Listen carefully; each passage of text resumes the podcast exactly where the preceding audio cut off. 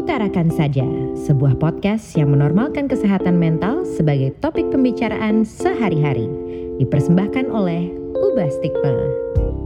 Selamat welcome kembali comeback di Utarakan Saja bersama gue Syafira. Untuk episode kali ini episode yang menurut gue pembahasannya akan cukup serius. Pembahasan kali ini gue ditemani oleh diri gue sendiri dan kekecewaan gue terhadap sebuah situasi yang sejujurnya mengingatkan kembali sih. Mengingatkan kembali tujuan dari awal kenapa komunitas ini terbentuk kepedulian terhadap isu ini terbentuk mengingatkan bahwa memang kesehatan mental itu masih adalah sebuah masalah yang kita harus cari solusinya gimana caranya orang menormalkan pembahasan kesehatan mental memiliki gangguan kesehatan mental memahami kesehatan mental semacam pengingat lagi nih bahwa emang stigma ini adalah situasi yang nyata gitu yang memang kita masih hadapi hingga saat ini. Sebelum kita masuk ke topik pembahasan hari ini, gue mau teman-teman untuk mendengarkan sebuah cuplikan audio sebagai berikut. Jadi dulu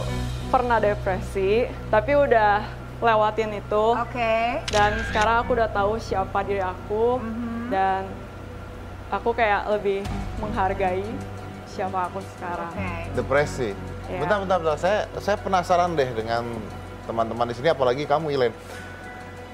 Kamu tuh cantik, kamu tuh model. Tinggi, Wah, badan tinggi. bagus. At first juga aku nggak nggak paham kalau itu ternyata penyakit mental. Aku tuh nggak sadar diagnosnya eating disorder. Eating Apa? disorder? Di, eating disorder. Jadi kamu muntahin atau kamu? Nggak, jadi kayak uh, pernah dua kali sih kayak yang pertama jadi kayak pingin makan terus, yang kedua jadi kayak nggak mau makan apa-apa. Tapi nggak sampai muntahin sesuatu, aku kayak kayak di modeling industri tuh kayak aku dipaksa banget buat turunin berat badan. Sedangkan kayak aku masih masih muda itu masih kayak baru beres SMA kan. Dan itu ternyata pressure buat aku karena aku udah nyoba segala diet tuh aku nggak bisa. Terus uh, jadinya stres dan itu tuh aku nggak sadar kalau misalnya aku stres aku nyobain segala dia tapi aku gagal dan alhasil tuh kayak aku malah karena stres itu timbangan aku malah makin naik dan aku ma makin dapat banyak bully sama body shaming di dunia modeling. My opinion, memang uh, ketika menentukan sebuah profesi tuntutannya jadi seperti itu. Jadi saya tidak merasa itu sebagai body shaming kalau saya. Mungkin aku aja kurang kuat pada waktu itu. Kira aku decide buat ke psikiater. Jadi ya diajak ngobrol di aku kayak ngisi biasa itu kayak tes psikotes gitu supaya dia bisa run di ya, apa itulah. Momen depresi kamu paling parah ngapain? Kayak aku mulai terganggu waktu aku mulai uh, insom, terus hampir tiap hari aku punya suicidal thoughts. Suicidal thought? Iya. Oh ya? Kayak tapi aku nggak I'm not capable of doing it.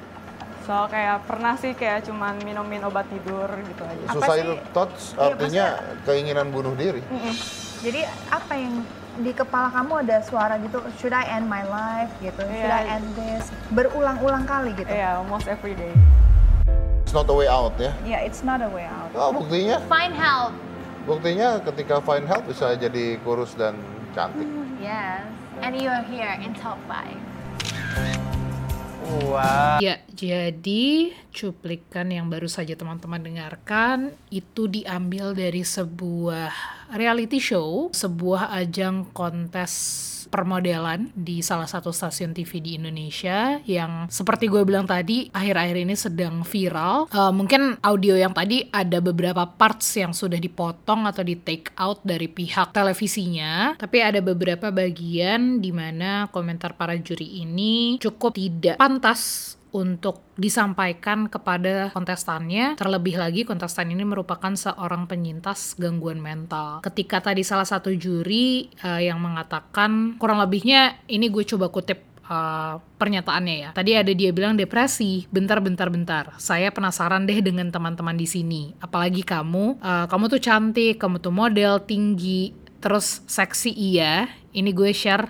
kutipan extensionnya pinter iya kalau kamu depresi kamu itu nyakitin tukang martabak yang jualan depan rumah itu satu part yang mungkin teman-teman nggak bisa dengar di potongan audio tadi. Kemudian di bagian keduanya ada juri lain yang uh, merespon ketika kontestan ini uh, share bahwa dia memiliki eating disorder dan uh, juri ini berkata bahwa saya suka banget makan, jadi saya eating disorder kali ya. Seketika kedua statement yang diucapkan para juri di kontestan ini menjadi sebuah wake up call, sebuah apa ya, kayak tamparan mungkin ya, tamparan untuk kita semua bahwa hey, di dunia nyata stigma terhadap kesehatan mental itu masih sangat tinggi loh. Dan di Indonesia sendiri sangat disayangkan kenapa tadi gue bilang um, ini sangat mengecewakan adalah justru yang me, me, apa ya yang menekankan stigma itu masih ada yang menunjukkan contoh bahwa stigma atas kesehatan mental itu ada malah berasal dari figur-figur publik. Yang kedua adalah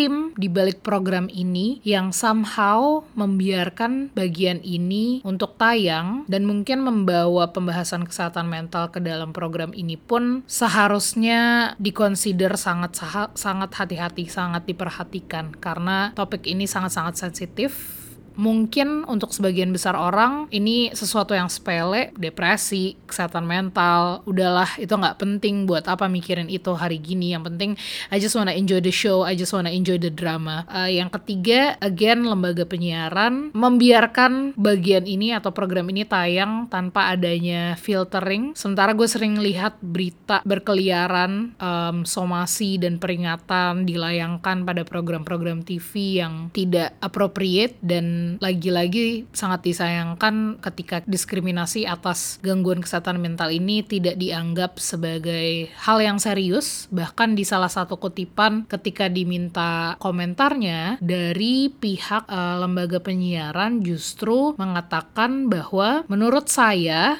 dalam potongan konten itu tidak ada pendiskreditkan orang dengan kondisi khusus, peserta dan pihak-pihak yang mengalami problem itu, dan justru bisa memberikan informasi kepada publik, khususnya yang memiliki kecenderungan seperti itu sebagai gejala yang tidak baik. Oke, okay? di sini lagi-lagi kita dihadapkan di situasi bagaimana kesehatan mental itu distigmakan. Satu hal yang mungkin gue mau highlight di sini, pihak penyiaran itu, pihak lembaga di sini mengatakan potongan konten itu tidak ada pendiskreditkan orang dengan kondisi khusus di mana tadi kita refer balik ya teman-teman bisa play ulang cuplikannya ketika kontestan mengatakan dia memiliki situasi atau memiliki gangguan depresi tadi eating disorder tadi komentar pertama yang diberikan para juri malah justru menyudutkan dia merendahkan dia tidak menghormati dia dan malah mengangkat beberapa ada ada beberapa aspek uh, mental yang gue highlight dari komentar juri. Yang pertama mereka merendahkan atau mungkin me mencela um, kondisi depresi itu. Kedua ada bagian body shaming di situ di mana di-emphasize juga salah satu juri mengatakan bahwa di dunia modeling itu merupakan hal yang wajar memiliki memang ada standar di sana. Terus yang ketiga seolah-olah mereka meng-highlight di mana ada faktor beauty privilege, lo cantik, lo seksi, lo tinggi, lo pinter dan sebagainya. Kok depresi itu lo malah kasarannya merendahkan tukang martabak or whatever tadilah yang yang dibilang para juri itu. Dan keempat tentunya aspek eating disorder yang sebelumnya kita pernah bahas dengan salah satu teman ubah stigma juga terkait bulimia. Teman-teman boleh dengerin lagi. Tapi kalau boleh gue mengingatkan kembali sedikit tentang eating disorder. Eating disorder ini merupakan gangguan mental yang mempengaruhi beberapa juta orang uh, di dunia pada periode kapan pun itu dan kebanyakan orang yang mengalaminya adalah wanita berumur di antara 12 sehingga 35 tahun. Dan eating disorder di sini yang gue mau tekankan adalah gangguan makan dan serangkaian gangguan psikologis yang menyebabkan berkembangnya kebiasaan mereka atau penderitanya untuk makan secara tidak sehat. Jadi tadi yang mungkin modelnya itu atau kontestannya pernah uh, sampaikan juga sebelumnya, ada kalanya dia makan terlalu banyak, ada kalanya dia makan terlalu sedikit, kemudian juga dituntut tekanan oleh industri yang ia terlibat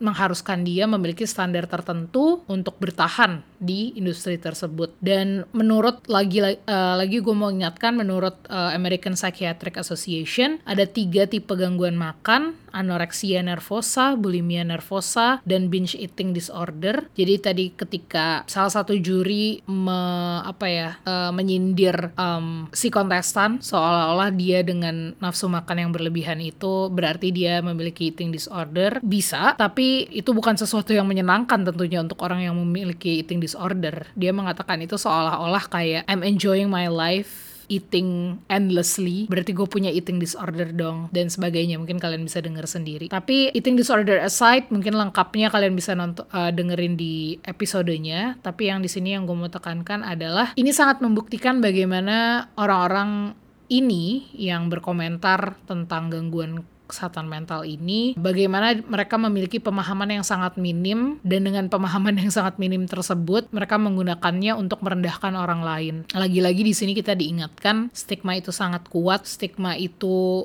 hadir secara nyata. Jadi mungkin kalau teman-teman yang berpikir apa sih sebenarnya stigma terhadap kesehatan mental kan semua orang udah ngerti kesehatan mental itu penting. And then what gitu. Lalu nextnya apa nih ketika orang udah paham kesehatan mental? Nextnya langkah selanjutnya adalah seperti ini. Langkah selanjutnya adalah ketika kita sudah memiliki pemahaman terhadap kesehatan mental dan tipe-tipe gangguannya, apa yang dilalui penyintasnya, itu kita memiliki pemahaman bagaimana yang pertama ya bagaimana bereaksi bereaksi secara individu. Bagaimana kita menanggapi orang-orang yang mengutarakan pengalamannya tadi. So sebelumnya gue mau congratulate um, the contestant sebenarnya for being so brave untuk berani sekali sangat-sangat berani dia menceritakan kondisi mentalnya di TV di media massa. Jutaan orang bisa nonton kisah hidupnya dia, bisa menonton, mendengarkan ceritanya dia, semua yang dia lalui, her suicidal moments. Itu orang yang paham maupun tidak paham tentang kesehatan mental, semua bisa denger dan I really appreciate that uh, you, if you ever listen to this podcast, I really appreciate how you just, you know, share your experience. Mungkin di luar sana juga ada teman-teman yang harus melalui um, kondisi serupa, mereka jadi tahu bahwa mereka tidak sendiri dan kontestan ini menjadi satu contoh untuk just keep going dan mungkin kalau teman-teman yang nonton full episodenya bisa tahu juga hasil fotonya dia juga bagus banget dan really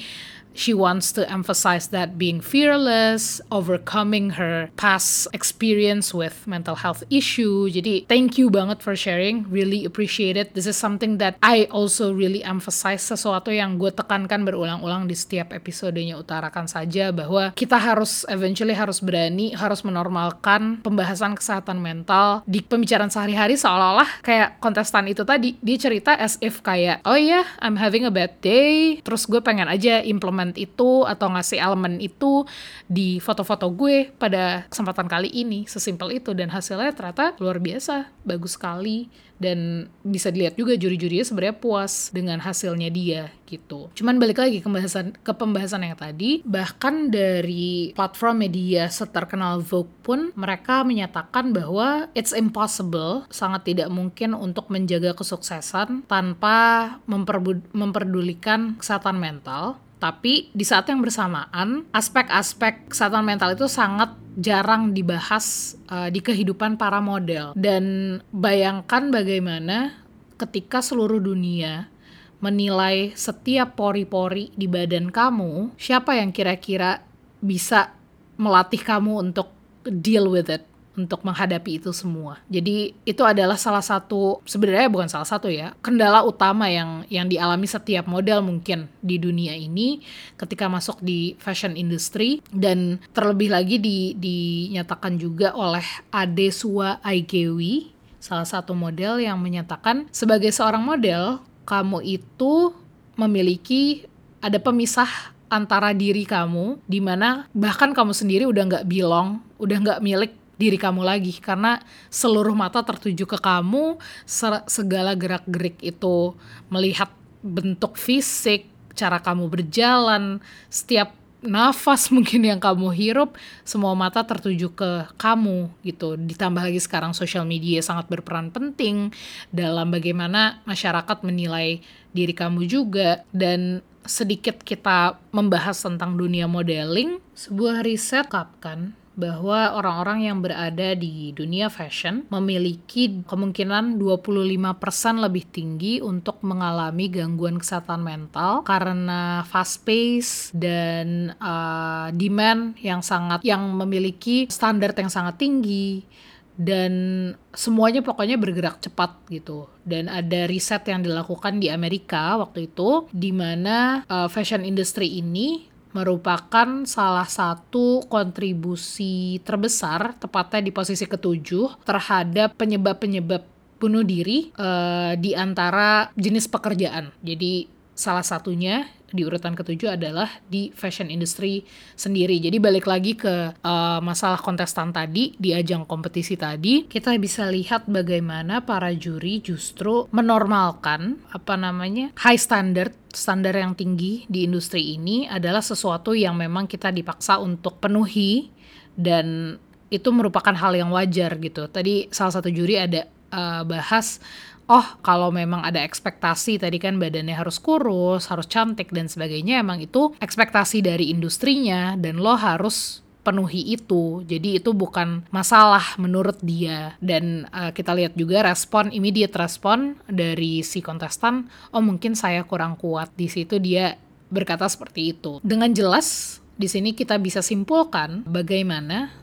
um, stigma yang diberikan terhadap si kontestan ini itu juga langsung berdampak pada dirinya gitu. Immediate effect. Mungkin untuk teman-teman yang masih bingung kayak stigmanya tuh apa sih? Gue nggak ngerti gitu. Jadi stigma hanya sesimpel ketika seseorang melihat dirimu di dengan perspektif yang negatif karena gangguan mental yang kamu miliki khususnya. Jadi ada diskriminasi ketika orang memperlakukan kamu secara negatif karena kondisi kamu yang jelas terlihat pada kompetisi ini dan khususnya untuk si kontestan ini yang mengalami eating disorder waktu itu dan bagaimana dampaknya um, dari sebuah organisasi ada Better Health di sini dia uh, mention bahwa ada dampak-dampak yang harmful atau dapat menyakiti seseorang yang diakibatkan oleh stigma itu tadi. Beberapa di antaranya adalah perasaan malu, hopeless, kehilangan harapan dan merasa terisolasi. Tadi bayangin aja si kontestan ini sendiri dihadapkan oleh beberapa juri yang menyerang quote unquote menyerang dia dengan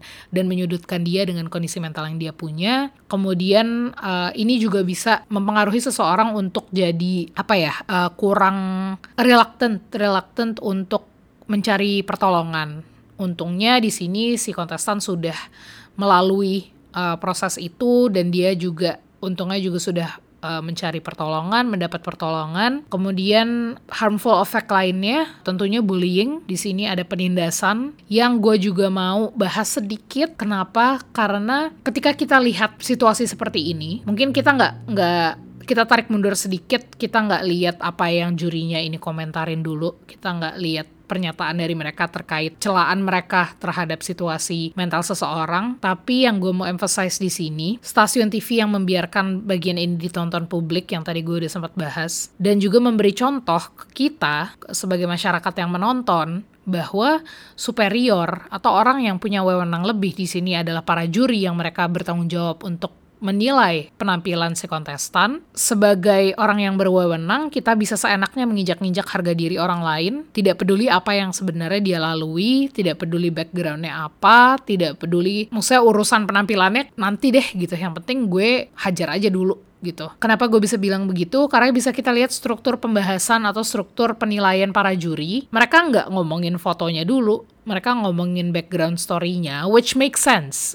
gue nggak bilang itu salah. Tentunya itu kan ya emang kan harus tahu dulu nih background yang dia mau bawain apa. Tapi fokusnya beralih dari tadinya juri sebagai penilai untuk penampilan dia di photoshoot tersebut justru malah jadi menilai pilihan hidup si uh, kontestan ini dan sangat menggambarkan bagaimana juri sebagai pihak yang memiliki wewenang lebih, yang lebih superior dari para kontestan itu seenaknya aja komentar, oh iya, oh lo cantik, oh lo punya depresi, oh kalau gitu gue juga punya, gue makan banyak, gue punya eating disorder dong, seenak-enaknya dia mencela si kontestan. Dan satu lagi yang menurut gue juga menarik adalah ketika salah satu fanbase uh, si kontestan ini uh, yang meng-highlight uh, episode ini dan cuplikannya dan ungkapan para juri itu di apa ada salah satu gue agak lupa ya gue gue agak lupa yang mana yang pokoknya nge-reach out ke TV-nya dan ngasih feedback kayak pokoknya intinya kayak lebih baik jangan disiarin atau apa gitu. Uh, respon dari TV-nya sendiri hanya seperti ini. Terima kasih untuk masukan pada tayangan program ini. Versi upload di sosial media stasiun TV-nya nanti akan memotong bagian yang disebutkan. Jadi yang mau gue highlight pertama tidak ada permintaan maaf dari sisi program terkait bagian yang mereka tayangkan ini yang membuat seolah-olah bagian tayangan yang sangat-sangat sensitif dan sangat triggering ini cuma cuman kayak salah edit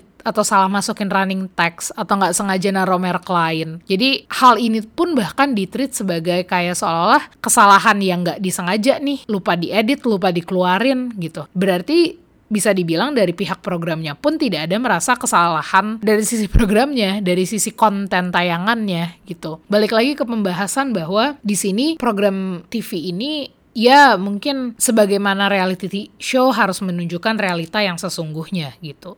Tapi balik lagi ada TV, ada program, ada rating. Jadi ini ada berkaitan dengan rating si program TV-nya sendiri, bagaimana dia bisa membuat quote unquote drama di sebuah di di bagian dari programnya yang menurut gue ya tentunya kita juga tahu gitu reality show pasti ada dramanya maupun ini scripted maupun ini memang pure komentar dari juri, menurut gue tidak sepatutnya untuk ditayangkan atau bahkan digubris gitu topik seperti ini gitu. Kalaupun mau dibahas, please untuk siapa pun yang mendirect program ini do your research man. I mean, banyak banget informasinya di luar sana untuk ngertiin kesehatan mental, untuk gimana cara kita bisa mendeliver kontennya dengan baik kalau dengan, dengan catatan kalau memang konten ini ditujukan untuk raise awareness tentang mental health, please please do your research. Again, TV is a mass media. Ini media massa yang ditonton semua orang dan bahkan gue yakin banget program ini nggak ada batasan umur. Anak kecil nonton kayak gini mungkin baru mendengar kata depresi, baru mendengar kata bunuh diri, lo bayangin apa yang ada di benaknya nonton kayak gitu.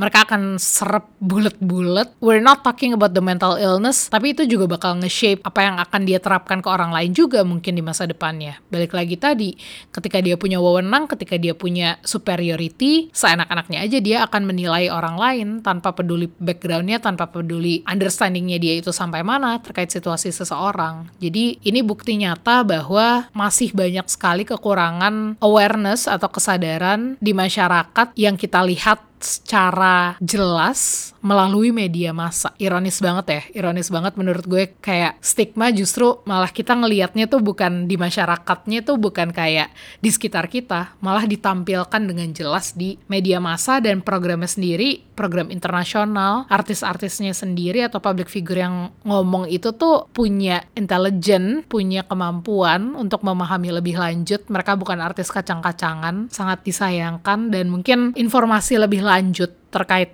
detailing kayak kesehatan mental dan stigma dan sebagainya kalian bisa temuin di halaman Instagram Ubah Stigma. Di sini gue lebih pengen sharing pandangan gue aja yang menurut gue sangat mengecewakan karena apa ya kasarannya tuh kita nih satu Indonesia ini kita lihat bagaimana tumbuhnya gerak tumbuhnya uh, jumlah komunitas yang mengangkat isu kesehatan mental itu cukup pesat ya setahun dua tahun ke belakang. Anak-anak komunitas ini juga ibaratnya berjuang gimana caranya kita meningkatkan edukasi tentang kesehatan mental. Dan gue nggak cuma ngomongin ubah stigma tapi semua komunitas kesehatan mental di Indonesia. Kita capek-capek bikin program bikin sesimpel grafik di Instagram untuk kalian bisa lihat dan pelajari. Terus di sisi lain mereka yang punya akses ke media massa mereka yang punya platform untuk koar-koar ngomong dengan ngomong dan mempengaruhi jutaan orang dengan mudah gitu ibaratnya lewat TV mereka mempergunakan itu justru promote stigma against mental health. Mereka mempromosikan stigma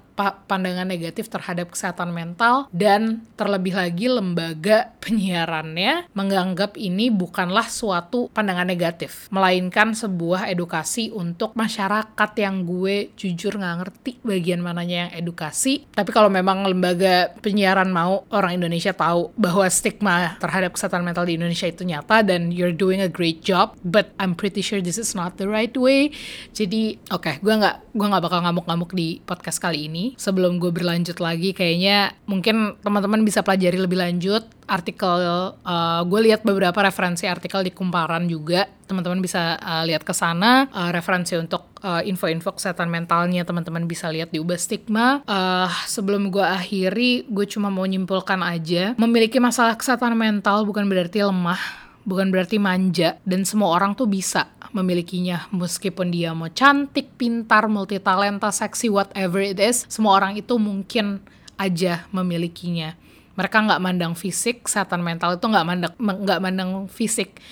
Yang yang sanggup, yang mampu belum tentu sehat, yang sehat belum tentu mampu gitu loh. Dan kemampuan tidak sama dengan kebahagiaan, again cantik juga belum tentu bahagia. Gue tidak uh, menyatakan bahwa kebahagiaan itu nomor satu atau paling penting atau kalian harus bahagia enggak. Cuman yang mau gue emphasize di sini adalah balik lagi ke komentar para juri di mana mereka memandang si kontestan ini kan lo model lo nggak mungkin struggle gitu. You got everything basically. Dan menurut gue itu pandangan yang salah. Silahkan kalau nggak setuju sama gue.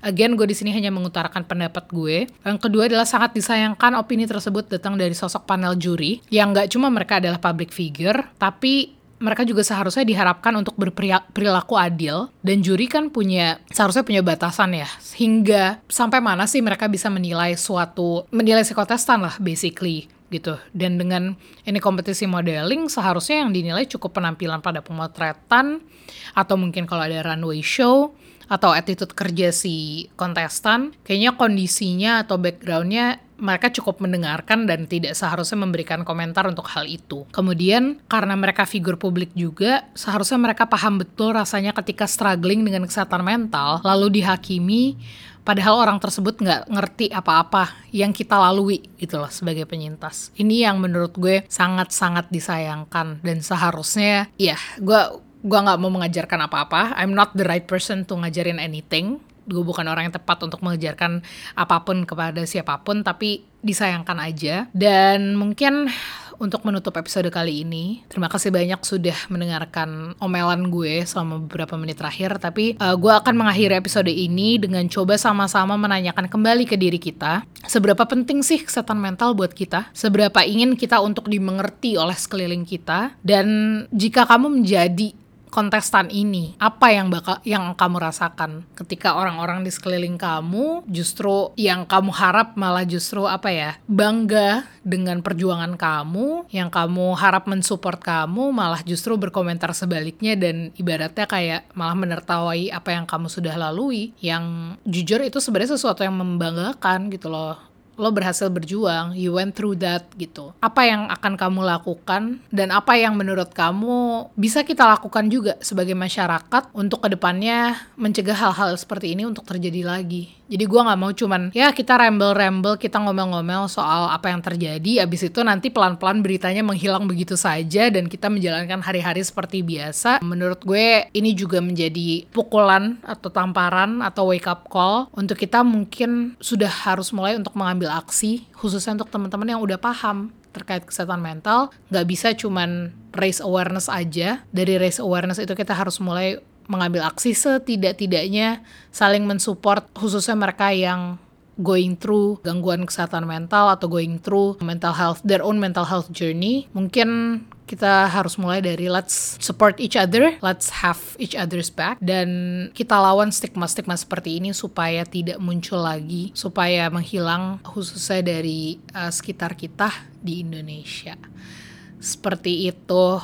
Sorry agak eh, agak-agak emosi gue jujur bikin episode kali ini but thanks udah mendengarkan selama beberapa menit terakhir. Maaf-maaf kalau misalnya gue ada salah ngucap atau mungkin dari kalian ada yang tidak setuju dengan opini gue silahkan. Maksudnya gue tidak tidak berusaha untuk mengubah pandangan siapa-siapa di sini. Gue di sini benar-benar purely hanya apa ya menjabarkan fakta yang sedang terjadi saat ini khususnya tentang stigma kesehatan mental ini. Jadi semoga teman-teman bisa lebih memperhatikan lagi, lebih bisa menyerap atau memilah-milah apa yang ditonton di media massa atau apa yang dilihat di media massa. Kita lihat sendiri ini salah satu apa ya kesalahan kesalahan yang yang fatal yang dilakukan di media massa dan harapannya mungkin tidak akan terjadi lagi di masa depan. Seperti itu.